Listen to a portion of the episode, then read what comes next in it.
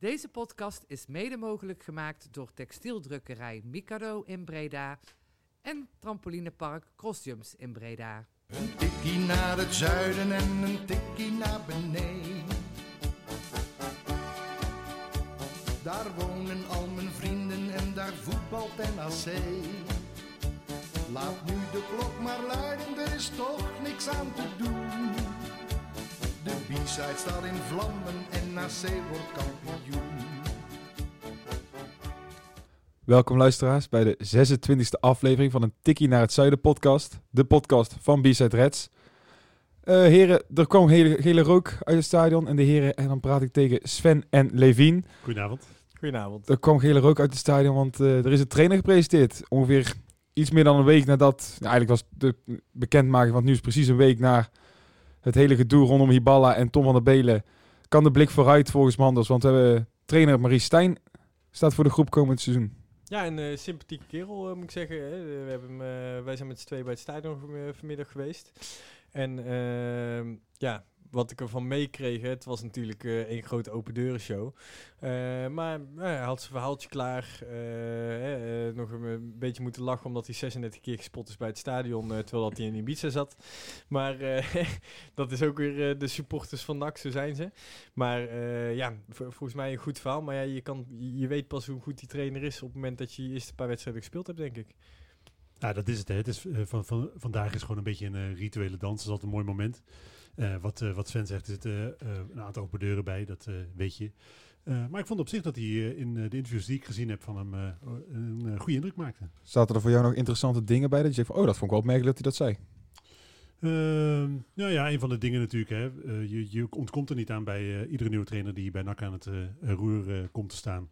Om het te hebben over al zijn voorgangers. En hij zegt, ja, uiteindelijk ben je er toch zelf verantwoordelijk voor of je ontslagen wordt. En hoewel dat natuurlijk een, een beetje een dooddoener is, heeft hij daar wel gelijk dat... eh, ehm, hij, wil, hij wil bewust, en dat blijkt ook wel uit zijn eh, historie bij eh, zowel ADO als eh VVV, hij wil gewoon bouwen. Hij, wil, eh, hij is iemand die trouw is aan een club, langere tijd bij een eh, club blijft. En ik denk dat dat precies is wat NAC op dit moment nodig heeft. En dus kunnen we Maurice Stijn als een logische keuze beschouwen. Eh, ja, dat denk ik wel. Want eh, eh, buiten de kamer om heeft hij ook nog eventjes staan praten over hè, dat hij inderdaad een lange termijn trainer is. Dus hij wil meerjarig wil die zitten. Dus hij is ook even plan om hier drie jaar te zitten zonder, zonder weg te gaan. Want bij VVV heeft hij vijf jaar gezeten uiteindelijk. Ja. Ehm, maar daar had hij eigenlijk zeven jaar willen zitten. Het was eh, dat hij zo'n lucratief contract kon krijgen in, eh, in de zandbak, zeg maar. Ja, dat, dat moet je gewoon voor je eigen bankrekening gewoon niet laten schieten. Maar eh, eigenlijk was het de intentie om nog twee jaar erdoor te gaan. Maar dan heb ik toch zoiets van, stel we hebben dit jaar echt een dramatisch seizoen. Inderdaad, zevende plek, slecht voetbal, ik noem maar wat. Ja, ik zeg, het lijkt erop dat hij dan nog een jaar de kans krijgt. Maar ga je dat, gaan de supporters dat ook accepteren? Nou ja, dat is het dubbele natuurlijk. Hè. Want eh, Manders die zegt eh, bij iedere gelegenheid die hij krijgt dat er eh, komend jaar gepromoveerd moet worden. Als je het interview met Stijn zag, wat jullie zelf met hem gehouden hebben, dan houdt hij daar toch wel een slag om de arm. Omdat hij zegt, ja goed, je, hoe je het ook bent of verkeerd, je zit in een sterke competitie. Waarbij eh, meerdere clubs, eh Cambuur en de Graafstad natuurlijk denk ik als eh, meest vooraanstaande clubs, eh, meerdere clubs kans maken op eh, promotie. En dan kan het zomaar gebeuren dat het eh, niet in één jaar lukt. Bij VVV, zei hij zelf, hebben we ook drie jaar nodig gehad. En wat jij zegt, hè, of hij dan die drie jaar krijgt, is, eh, is echt de vraag. Maar ik heb wel het vermoeden dat hij niet zomaar zonder meer naar, eh, naar één seizoen buitengeknikt wordt. Dat geloof ik echt niet. Nee, zeker niet zolang Manders eh, in de top zit. Maar wat, ja, Precies, dat denk ik dus ook. inderdaad. Man is daar wel Maar Stijn zei inderdaad al, hij zo, die noemde tijdens de persconferentie ook al zeven clubs die eigenlijk alle zeven dit jaar zomaar in de top 2 kunnen eindigen.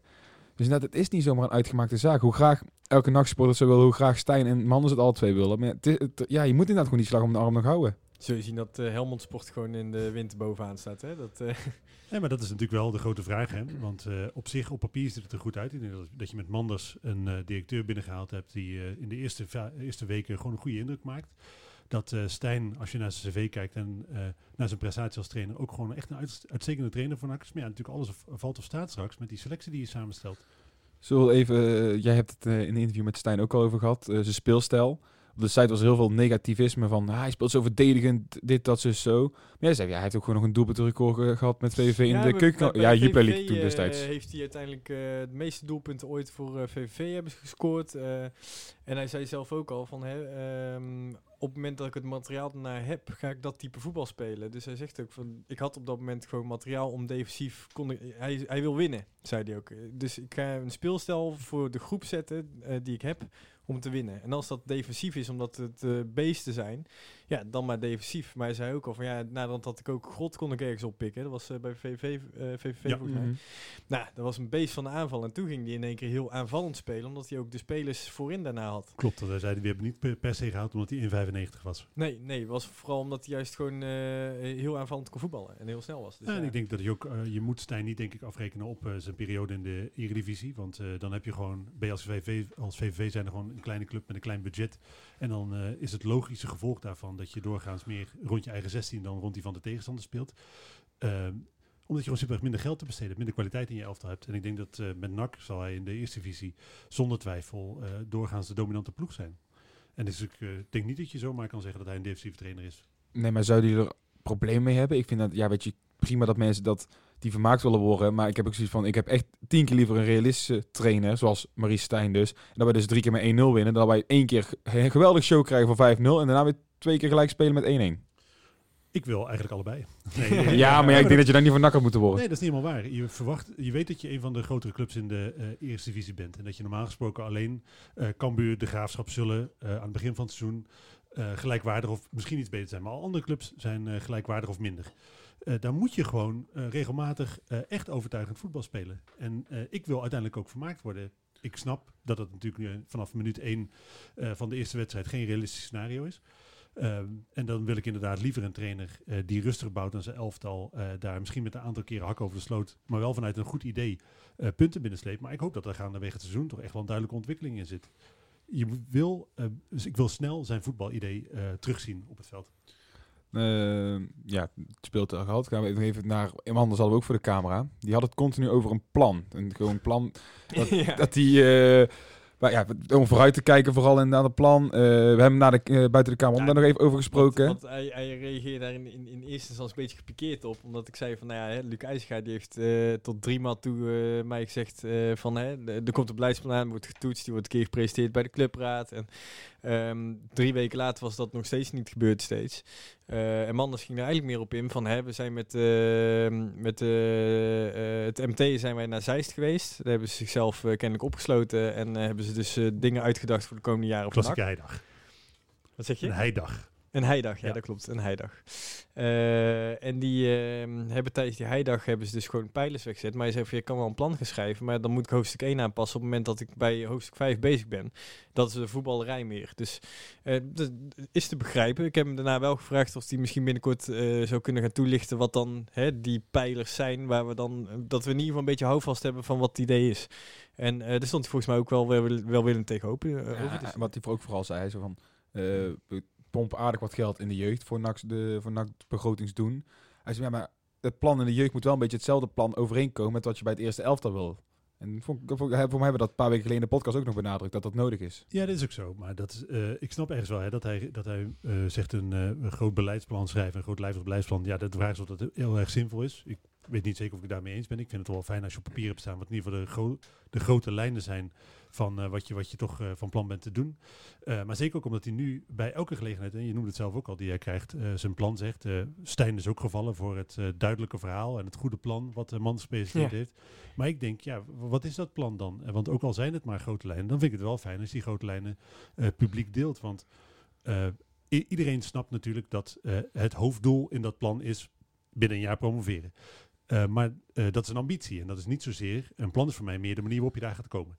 En eh, op dit moment is daar, vind ik, nog vrij veel onduidelijk. Want je hebt natuurlijk, je kunt daar ook, wel, ook daar wel met grote streken zeggen, ja, we moeten een aantal talentvolle spelers halen die uiteindelijk meer geld opleveren. We moeten een, een, goede kern hebben van spelers waar we het elftal rond vorm kunnen geven. Dat, snap ik allemaal wel. Alleen, je, ik wil wel weten hoe je daar komt. Wat, wat zijn nou de voorwaarden eh, waar je aan gaat toetsen bij, bij je spelers bijvoorbeeld? Of hoe zorg je er nou voor dat er voldoende geld is om eh, dat mogelijk te maken? Ik vind dat je daar wel meer mag eh, verwachten dan wat, wat hoofdlijnen. Ja, en, en natuurlijk als je dat hebt staan en je hebt na een half jaar ben je onderweg, dan kan je ook terug, terugschrijven of terugkijken naar dat plan om te zeggen van, hè, zitten wij, heb, proberen wij onze ambitie nu waar te maken wat we in gedachten hebben. Ja, ook omdat ik denk, je wil natuurlijk als eh eh, RVC zijnde ook gewoon toetsen. Je wil Ja. weten of iemand op de goede weg is. En daarvoor heb je toch meer nodig dan wat, wat, wat ideeën. En natuurlijk, ik snap dat die pijlers wat, wat meer zijn dan losse vlodders.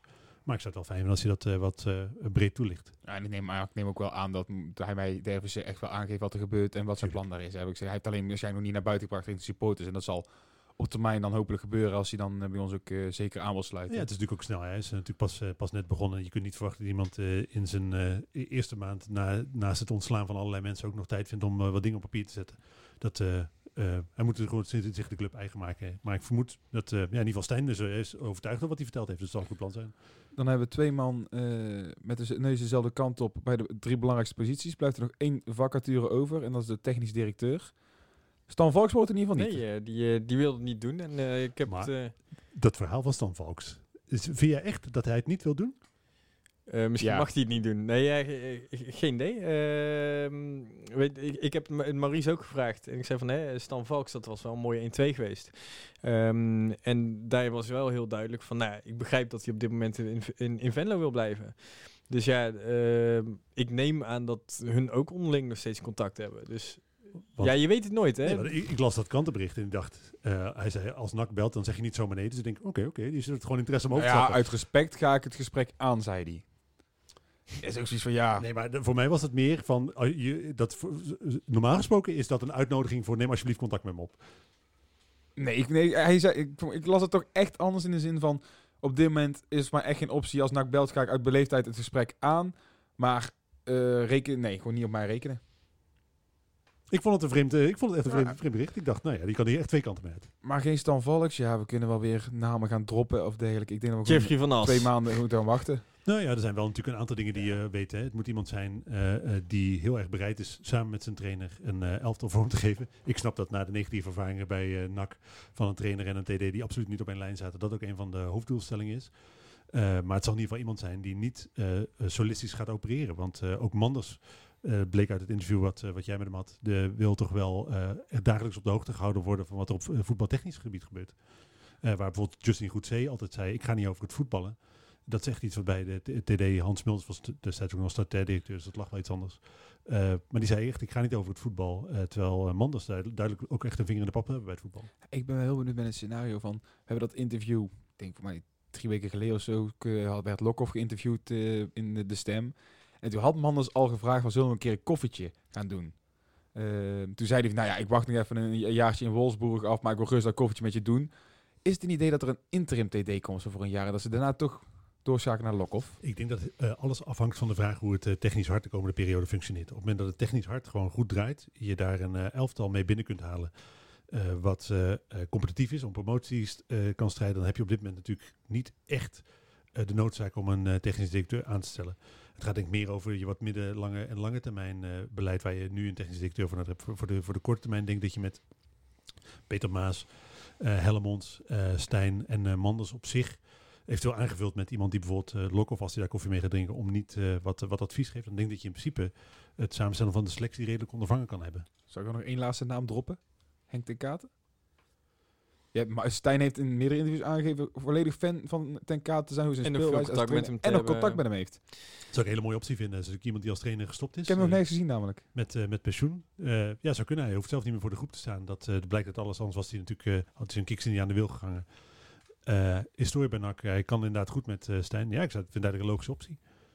Jij nog een naam droppen, Sven?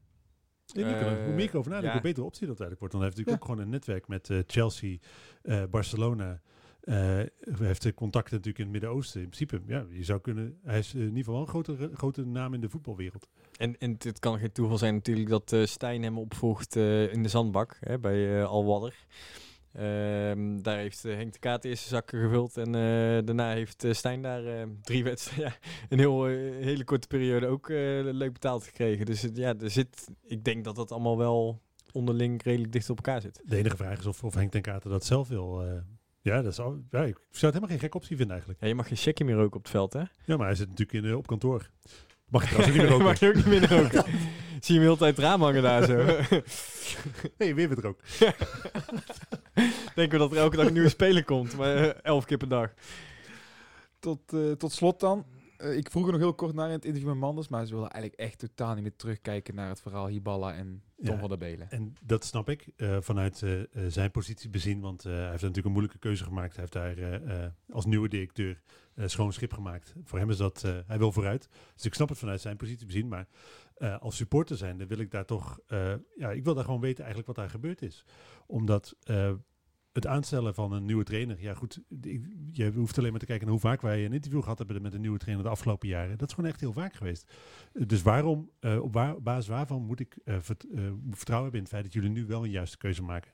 Want dit, dit proces hebben we een aantal keer doorgegaan. Ehm, ik wil heel graag geloven dat het nu anders is dan alle voorgaande keren. Maar ik weet dat gewoon niet zeker. Zolang ik niet precies weet wat er gebeurd is op kantoor, waarom het zo uit de hand gelopen is, zijn er nu wel voldoende middelen om, om te voorkomen dat het weer zo ontspoort. Eh, eh, is, is de FSC, zit hij nu veel beter in zijn rol dan dat hij eerder zat? Of eh, waren er andere redenen waarom het afgelopen eh, keer zo ongelooflijk misgegaan is? Ik zou dat wel graag willen weten eigenlijk. Omdat je anders niet blind kunt vertrouwen op het feit dat het nu wel goed gaat. Nou, weet je wat wel natuurlijk is? Manders hoeft zich ook niet ervoor te schamen dat hij die beslissing genomen heeft in eerste instantie. Want ja, hij heeft die mensen ook niet aangenomen. Als hij ziet inderdaad van dit werkt totaal ja, dan neemt hij maar die beslissing. Want ja, daar is hij inderdaad ook voor aangesteld. Maar eh, hem echt iets kwalijk nemen, ja, dat kun je hem ook niet doen. Want hij, Nee, hij heeft niet die mensen aangenomen die niet met elkaar kunnen functioneren. Nee, maar je, je neemt hem niks kwalijk. Maar het gevoel wat, wat eh, eh, ik vaak heb bij eh NAC is dat het op een heel structureel niveau eh, niet klopt. En daar wordt eh, wel telkens gezegd dat daar eh, eh, stappen genomen worden om het structureel beter te maken. Nou ja, ik denk dat je daar ook wel eh, de contouren van ziet met de nieuwe FC, volgens nieuwe algemeen directeur. Nou ja, goed, nu gaat de volgende technisch directeur-trainer alweer verkeerd om. Eh, maar in principe worden daar wel stappen gezet om het eh, eh, beter te laten functioneren. Alleen, het is mij onvoldoende duidelijk of die echte structurele problemen nou, nou opgelost zijn of niet. Of dat die aandeelhouders nu inderdaad wel altijd op afstand blijven. Ook op het moment dat het straks een periode, periode tegen zit. Eh, blijft de FSC dan in zijn rol? Of is het zo dat, eh, dat Manders eh, misschien wel meer macht naar zich toe kan, eigen, toe kan trekken dan, dan eigenlijk geoorloofd is? Dat zijn allemaal dingen waarvan ik nu echt wel wil geloven dat het niet gaat gebeuren. Alleen ik wil wel graag die zekerheid voelen dat die structurele problemen die er in het verleden absoluut geweest zijn, opgelost zijn. En die voel je nou nog niet. Nou ja, omdat als niemand wil vertellen wat er precies gebeurd is. Eh, en eh, iedereen zegt, ja, ja, dat is geweest en we gaan nu weer eh, vooruit. Dan eh, eh, vind ik dat te makkelijk. Ik wil graag dat je daar, eh, als je iets eh, wil leren van je fouten, dan zul je erop moeten reflecteren. Eh, anders is de kans dat je het vol- de volgende keer weer fout doet natuurlijk gewoon groot. Sven, ehm, jij als toch wel een redelijke Hiballa-fan. Ik ben, ik ben een sta- standbeeld aan het maken. Ja, dat bedoel ik. Eh, kun je wel weer positief vooruitkijken? Of met Marie Ja, Stijn? weet je, het, het, eh, on- ondanks dat je... Of wringt er bij jou nog eh, steeds iets? on- nee, dat, dat maakt niet uit, hè. Want eh, uiteindelijk moeten we nu verder met de kaart die we gedeeld hebben gekregen. En dat betekent, hoe, hoe fan je ook bent van een, een Petri Balla en, en zijn werkwijze en erin gelooft. Ehm eh, Marie Stijn die staat vanaf vandaag voor de groep. Meer kan je niet van maken. En als je Marie Stijn's verhaal hoort en hoe die overkomt, dan denk ik van... hè, je hebt daar een redelijk stabiele trainer met eh, visie en heeft in het verleden ook dingen aangetoond dat hij ook, ook eh, van een groep iets kan maken. Dus ja, ja ik, ik, kan daar echt pas wat zinnigs over zeggen als, ze- als ze vijf, zes, zeven wedstrijden onderweg zijn. Eh, je moet de hand eerst hebben gezien van, van eh, zo'n Stijn voordat je daar iets van kan eh, vinden. En ik vond bijvoorbeeld bij Nibala vond ik echt dat je eh, zijn hand aan het elftal al zag. Ehm, dus ja, Hè, ik kan fan zijn van een eh Peter Balla eh, over hoe hij. eh, ik, ik vond ook hoe die communiceerde naar buiten toe en hoe die met die spelers omging. Vond ik gewoon, ja, was ik heel tevreden mee. Maar zo'n Marie Stijn, ja, het verleden heeft aangetoond dat hij echt wel wat kan. Dus Ja, ik ben het daarmee eens. Ik, eh, ik heb, eh, ben ervan overtuigd dat eh, Stijn op dit moment de juiste keuze voor NAC. Ik denk dat die Balla dat tot op zekere hoogte ook was. In een aantal opzichten was het denk ik echt de absoluut de juiste man voor NAC. Intern blijkbaar achteraf niet. Maar extern zonder meer ook naar de spelersgroep toe.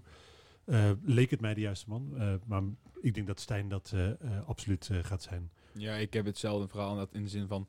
Ik was, Hiballa inderdaad een prima trainer van NAC.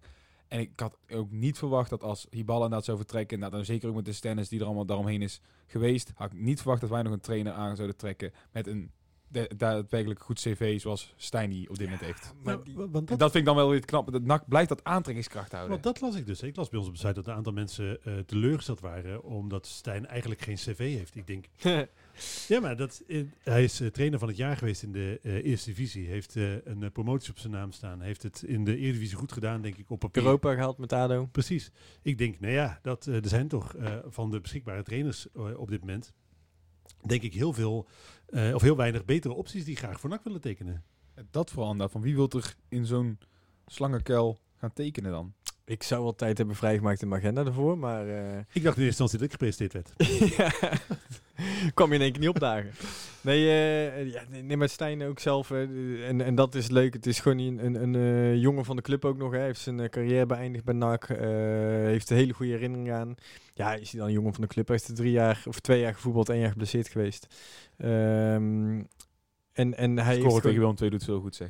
Wat zeg je? Scoren tegen Willem II doet al veel goed. Ja, tuurlijk. Hè, daar, daar kan je, waarom denk je dat Brabo nooit uh, hoofdtrainer gaat worden bij ons? Maar eh, nee, Eh, ja, eh, hij, hij heeft zelf al zo vaak eh geflirt met NAC. Zo Dat. vaak aangegeven dat. ehm, als hij nu nee had gezegd, dan had ik echt gewoon... Dan had hij voor mij ook nooit meer hoeven komen. Want, Hij zei ook al dat, er een dat ze er een paar keer dichtbij geweest zijn. Hè? Ik, eh, zat, ik probeer dan hè, voor mezelf te kijken welke momenten dat geweest zijn. Dat kon ik niet helemaal plaatsen wanneer hij eh, allemaal eh, in de belangstelling van NAC gestaan heeft. Nou ja, ik, je hoopt natuurlijk dat het nu goed uit gaat pakken. We kunnen weer een beetje vooruit gaan kijken. Nou ja, dat was nog één ding wat ik, wat ik wel wilde zeggen. Ik weet niet of je dat op, of je dat op je lijst hebt staan. Als je naar zijn eh, selecties kijkt. Ik dacht, eh, een beetje de ervaring denk van het laatste seizoen Eredivisie met VVV. eh, dat het voornamelijk oudere selecties waren. Maar dat viel eigenlijk alleszins mee. Als je zijn selecties bij ADO en VVV erbij pakt. Dan zijn het allemaal selecties met, van jongens waar de kern midden 20 is. Eén of twee eh, spelers van eh, eh, 30 of ouder. Eh, bij alle, alle, al zijn elftallen. En eh, voor de rest eh, jeugd. En dat zou op zich qua profiel natuurlijk wel eh, die ideale selectie ook eh, voor NAC komend seizoen zijn. Moet je wel de goede TD erbij zoeken.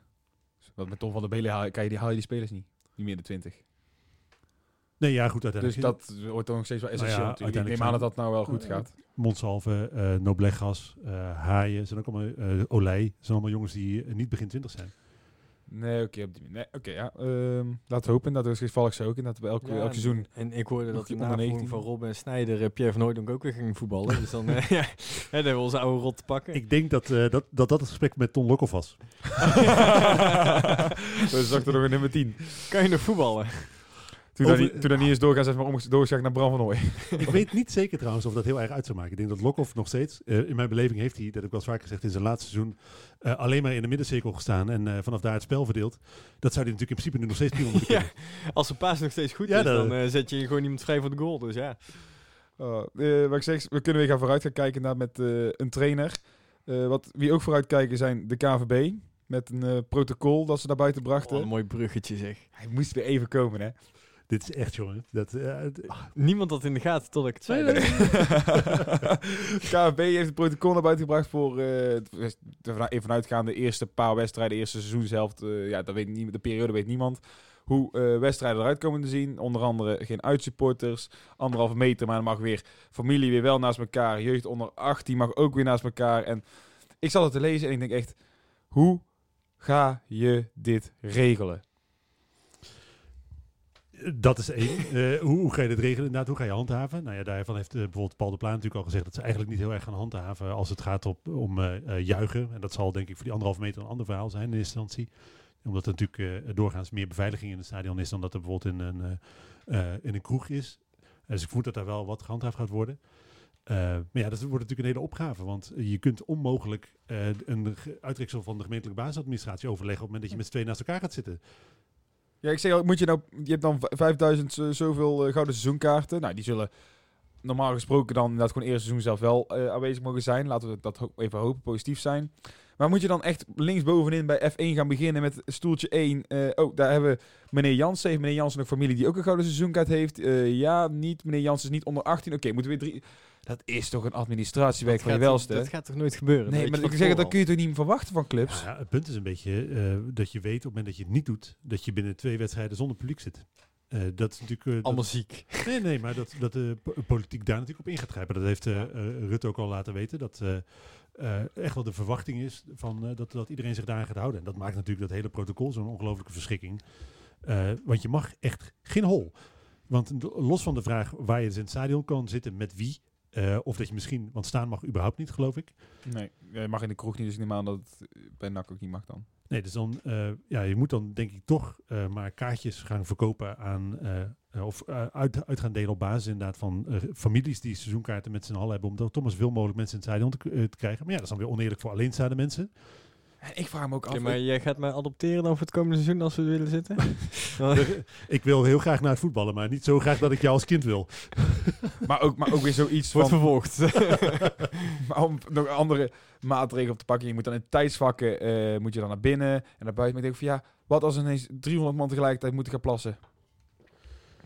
Ja, 300 meter keer anderhalf is Ik een neem, lange rij. ik neem aan dat ze emmers uitdelen. Ja, maar dat, ik, Plaszak. ik vraag me nog echt wel eens af, wordt er wel eens nagedacht als je zo'n protocol naar buiten brengt? Ja, het punt is natuurlijk dat je, je stadions zijn helemaal niet ingericht op, eh, eh, de, eh, op afstand bewaren. Omdat wat ze in alle stadions doen, is in een zo compact mogelijke omgeving zoveel mogelijk mensen kwijt. Dat is het idee van, van een stadion bouwen. Op het dat je dat, mogelijk op het veld. ja, precies. Je probeert daar zoveel mogelijk mensen in zo'n beperkt mogelijke ruimte te proppen. Dat is natuurlijk precies tegenovergesteld aan wat je op dit moment nastreeft. Dus een stadion is daar per definitie niet voor ingericht. Nee, en dus ja, ik, zeg, ik, ik wil heel graag weer wedstrijd met publiek krijgen, maar ik betwijfel heel erg of het goed gaat. Ja, het wordt, voor heel, wordt heel lastig, want eh, eh, dat, er zijn een aantal hele praktische dingen, zoals je inderdaad al noemt, naar het toilet gaan, eh, drinken halen. Ehm, ja, goed, ik noem het nog eens, eh, van alle dingen die je gewoon normaal gesproken op een stadionplek doet, eh, dat, dat lukt niet. Eh, Je kaart op waarderen, weet ik veel wat. Je kan van alles bedenken, maar alles waarvoor, waar je voor je van je plek moet, dat, dat, dat kan eigenlijk Ja, niet. Tenzij je aan de rand zit. Ja, of, of je gaat drinken laten bezorgen en dan dat Ja, soort dat is een van de, van de suggesties natuurlijk, maar er blijft uiteindelijk van de hele voetbalbeleving, waar iedereen, denk ik, voor naar het voetballen gaat, blijft natuurlijk echt geen hol over. Ja, drink, drinken die dat gebracht wordt, vind ik echt niet zo heel erg hoor. Nee, Maar dat mogen ze dan ook doorpakken daarna. Nee, maar ga jij zeg maar in je eentje eh, met eh, overal om je heen op anderhalve meter helemaal niemand. Nou, ik heb die vraag voor mij een paar weken geleden al aan jullie gesteld. Jullie zijn eh, gouden seizoenkaarthouders. Ik zei, is het dan nog wel leuk? Ik, tuurlijk, in een stadion, wat we zeggen, je ziet het beter, het spel. Je ziet het spel echt beter.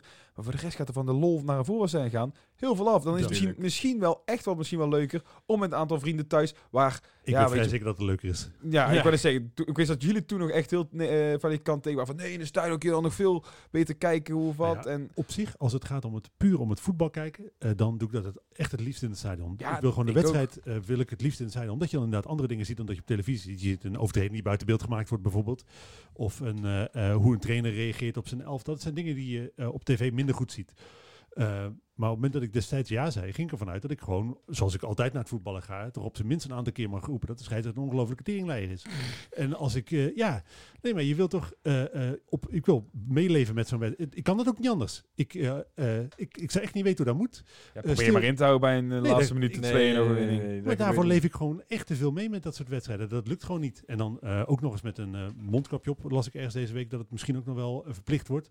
Ik vind dat super kut. Ja, mag ik alweer niet drinken met mondkapje op. Ja, daar kun je niet drinken. Dat Een gaatje erin maken is ook niet zo heel handig. Nee, dat, weet je, ja. dat, is gewoon, dat vind ik echt kut. Ik, ik vind dat eh, heel vervelend om een, een mondkapje... In het openbaar voet doe ik dat omdat ik daar de noodzaak van zie. Maar als ik naar het voetballen ga, ja, dan wil ik er wel iets van... eh, ja, wil gewoon op een gemak een beetje eh, eh, voetbal kunnen kijken. Een beetje schreeuwen, een beetje staan, weet ik wat. Ik ga niet 90 minuten lang doodstil op een stoel zitten. Dat kan ik gewoon niet. Nou sprak ik wel vandaag eh, iemand van het eh Eindhoven Dag, Dagblad was eh, aanwezig bij de persconferentie. En die was van de week bij Toete Jan geweest. En eh, ja, ja nou, nou komt het. Je mag, je- wel, je mag wel toeteren. Dus eh, Maar- kunnen we niet iets maken dat je met een toeter iets van schelden eruit kan laten krijgen? Of Maar mag je dan zo'n... Ja, maar je kunt dus wel zo'n zo'n apparaat dat wij hier hebben en dan van die geluidjes eronder ja, zetten. dat je dan gewoon van tevoren jouw gescheld en dat soort van dingen tevoren inspreekt. eh, erin, erin zetten. Want dan, dan spuug je niet, maar het geluid komt er wel. Oké, dus ik moet met een soundboard en boksen op de tribune gaan zitten. Op zich Dat is wel leuk. Ja, op zich. Je kunt wel denken als je daar... Je kunt nadat een mix maken zo. dat is wel Vrije leuk. trap stuit uit iedereen. Mezelf kennen, heb ik wel een vast repertoire eh, voor scheldwoorden en dergelijke. Ik denk dat je op zich moet die... Nee, maar dat is gewoon niet handig. Nee, maar ik ik ben... mag wel. Een toet Ja, mag toet wel. Ja, dus Toetian die, eh Maar die zo heeft heeft, hij, heeft hij, een, zeg maar... heeft een blaastoet. Ja, die met zo'n eh, schuif met zijn handen. Dus, want eh, zelf blazen mag dan niet, denk ik, of wel? Nee, Nee. maar heb je Toetian wel zien praten? Dan, eh, ik denk dat er meer... dat, er komt alleen maar speeksel uit.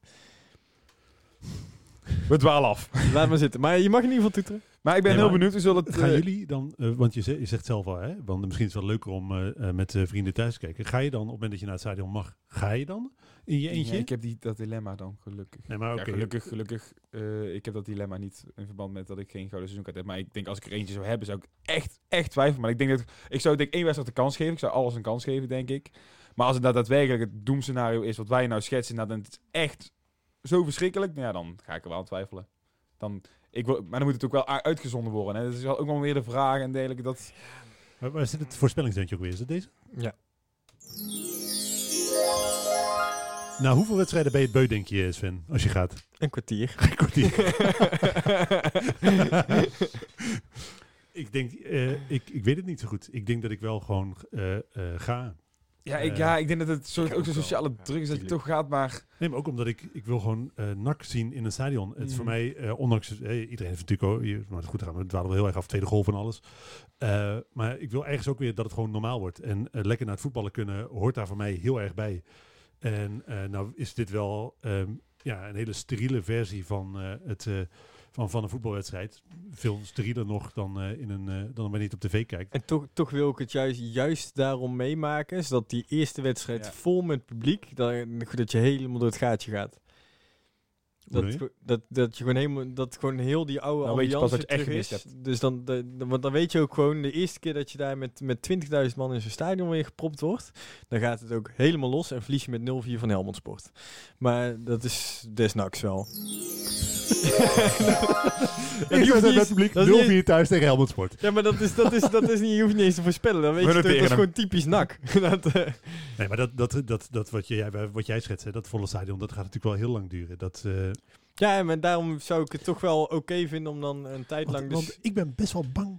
Sorry, ik wil in de reden. Oh ja, nee, maar ik, ik, ik wil dan wel de hele tijd dat mee hebben gemaakt hoe het dan is, zeg maar. Om weer te Ja, voelen, hè. Dan, het is misschien weer net als dat Uiteindelijk dat gaat iedereen het een kans geven. Maar als Ja, het daadwerkelijk verschrikkelijk is, dan twijfel ik Als hoeveel heel- mensen daadwerkelijk dan niet een voorkeur geven boven met vrienden Dat. kijken. Ik ben, ik ben vooral bang dat op het moment dat het heel lang duurt, als je daar een aantal maanden eh, dus doodstil naar voetbal zit te kijken, dat je gewoon de sfeer überhaupt kwijtraakt.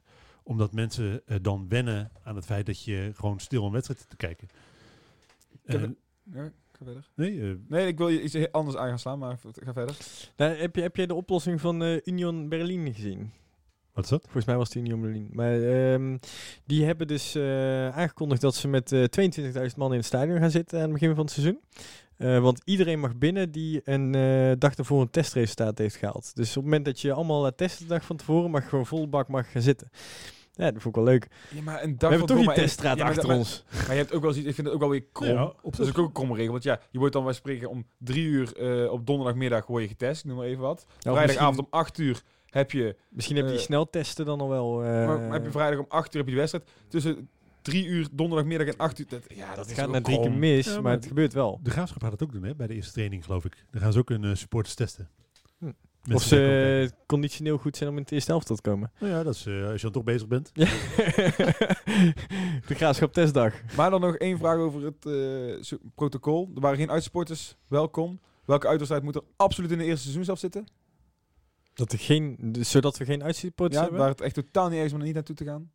Oh ja, Cambuur. eh, Ja, dat, wel- ja, is een beetje dubbel. Want ik, Cambuur is een van de eh, twee, een van de drie stadions waar ik nog niet geweest ben. Eh, dus ik We moet waren, daar een dit, we waren dichtbij dit jaar. Dat is zo kut ver weg. Het- Mijn dag van tevoren werd pas afgelast. Ja, ja, dat is zo zonde. Nee, het is zo kut ver weg. Dus dat op zich, eh, ja goed, ik vind het niet erg als ik niet naar Cambuur hoef. Maar ik vind het wel zonde als ik niet naar Cambuur ga. Nou, laten we gewoon alle jongteams in de eerste seizoen zelf krijgen. Ja, misschien is dat wel Uit dan vooral. Ja, mis je niks aan. Mis je niks aan. Eh, we gaan ondertussen wel naar het laatste onderwerpje. Want wie geen, ik ga weer even een mooi bruggetje maken. Wie geen volle stadions meer gaat zien, is Sam Kusters. Want die stopt met de profvoetbal. Hoezo, Die hij heeft gewoon zoek jij, oefen ze voor de spiegel thuis? Of? Nee, nee. Ik, ik- we maken dit lijstje ook altijd vijf minuten voor de podcast. En heb ik nog geen idee wat, wat we gaan bespreken. De- ja, wat, wat we gaan bespreken dan wel, maar niet hoe dat gesprek gaat lopen. Ik denk, nou, van deze Jij wel bent gewoon een multitalent. Jongen, ik kan alles. Eh, behalve keeper. Nou, je hebt voor mij eh, de, de bezemstil eh, om de microfoon heen lopen binnen vandaag. Dat, dat was ook niet best, hoor. Ik vond het er, het zag er natuurlijk een beetje shabby uit. En ik vind het prima als mensen hem crowdfunden voor, voor ja, dat vind ik ook best. Maar op zich was het een prima oplossing. Het is toch te horen en daar gaat het toch om. Ik zei tegen Maurice, Maurice ook al, als je me een kut antwoord geeft, dan, dan geef je gewoon een klap. dan kan ik je zo bij, jou, bij jou zag je wel dat je dat ding helemaal terug moest hegelen om er zelf in te praten. Maar even dat Sam Kusters inderdaad, die stopt bij profvoetbal. is toch wel een moedige keuze, vind ik. Nou ja, hij is eh, eh, 20 als ik het goed heb. Ja, rond die koers. Ja, en eh, als je dan eh, nog steeds eh, eh, als amateur bij een eh, profclub zit, dan eh, wordt het natuurlijk wel een dure hobby.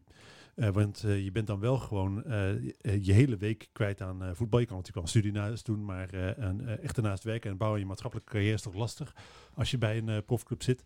Ik snap heel goed dat je op die leeftijd, zeker als je dan in gesprek te horen krijgt, er is alleen nog ruimte voor je op het moment dat je als amateur blijft dat je dan na gaat denken over wat wil ik eigenlijk precies. En ik vind het heel cool dat hij zegt, ik ga gewoon voor mijn maatschappelijke ontwikkeling.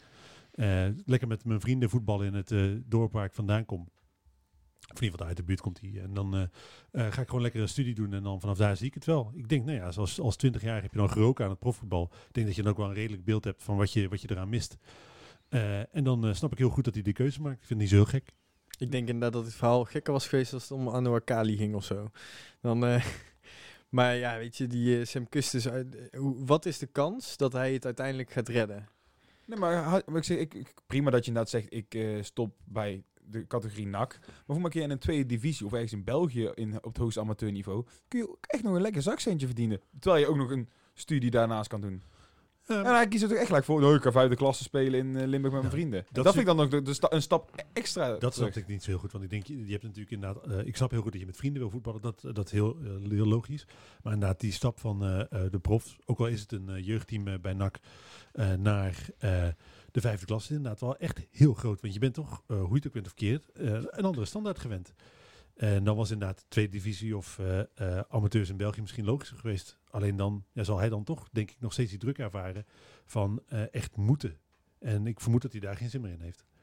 Moedige keuze, prof. Ja, maar ik, ik denk ook dat... eh, ik eh, sprak vandaag Erik Helmons en Rens Filippa, die waren vandaag aanwezig, eh, ook bij de presentatie. Wat, wat ik ook een goed teken vind, hè, dat eh, de mensen van de jeugd daar dus ook rondlopen. Ehm, en die hè, eh, Helmons wil binnenkort graag een keertje aanschuiven, ook in de podcast, om gewoon Leuk. ehm, uit te leggen ook waarom, want er wordt heel vaak over spelers gezegd dat ze naar een andere club kiezen. Eh, en dan worden er duizend en één indianenverhalen kennelijk over die spelers verteld waarom dat ze dat doen. Eh, en kennelijk gaat er veel meer samenspraak in en, en, en hele andere gesprekken die helemaal ons voert met zo'n zo'n speler, waardoor een keuze wel of niet op nak valt. En hij, hij wilde gewoon een aantal cases gewoon voorbereiden met ons en dan eh, ook eh, verder uit, eh, ehm, ja, ja, be- beter uitleggen en vertellen, zodat we een beter beeld krijgen van hoe het eh, op- apparaat rond jeugd eh, opereert. En ik denk dat zo'n Sam Custis ook gewoon gesprekken heeft gehad met Helmonds. Ik eh, denk niet dat dit zomaar uit de lucht komt vallen. Nee. Ja, maar dan vraag ik me wel af, eh, heeft Kusters, is, Kust- valt Kust nog echt onder jeugd? Met eh, 20 goede al reden, dan val je, ga je langzaam, want dan zit je val, van de van denk ik. En Dat is het. hè. Ik denk dat als je een, eh, een eh, aanvaller bent of je bent een eh, centrumverdediger, dan heb je natuurlijk altijd meer posities eh, waar je in principe uit de voeten kunt. En als keeper weet je dat als jij eh, niet de eerste keeper bent, dan keep je een heel seizoen niet. Eh, dan is het inderdaad, dan speel je wedstrijdjes bij het tweede, waar NAC natuurlijk al eh, m- eh, twee keepers voor, voor heeft voor komend jaar. Misschien wel drie zelfs als Nimchiki terugkomt. Dan weet je dus dat je een heel jaar lang wel elke dag naar Breda moet, maar nooit speelt. Eh, en er ook nog eens geen geld voor krijgt. Ja, dan zou ik het ook niet doen. Nee, daarom moedige keuze, eh, maar wel een begrijpelijke keuze. Eh, zijn profvoetbalcarrière is ten einde. Ik ga hem nog één keer maken. En zullen we deze podcast ook tot een einde breiden dan? Nee. Oh. ja, dat niet. Ja, dan mag je rustig even door praten hoor. Nee, ja, prima. Ik, ik vind het mooi. Dan eh, dank ik jullie weer voor jullie komst en eh, tot volgende week. Tot voor week. Een tikkie naar het zuiden en een tikkie naar beneden. Daar wonen al mijn vrienden en daar voetbalt NAC. Laat nu de klok maar luiden, er is toch niks aan te doen. De B-side staat in vlammen en NAC wordt kampioen.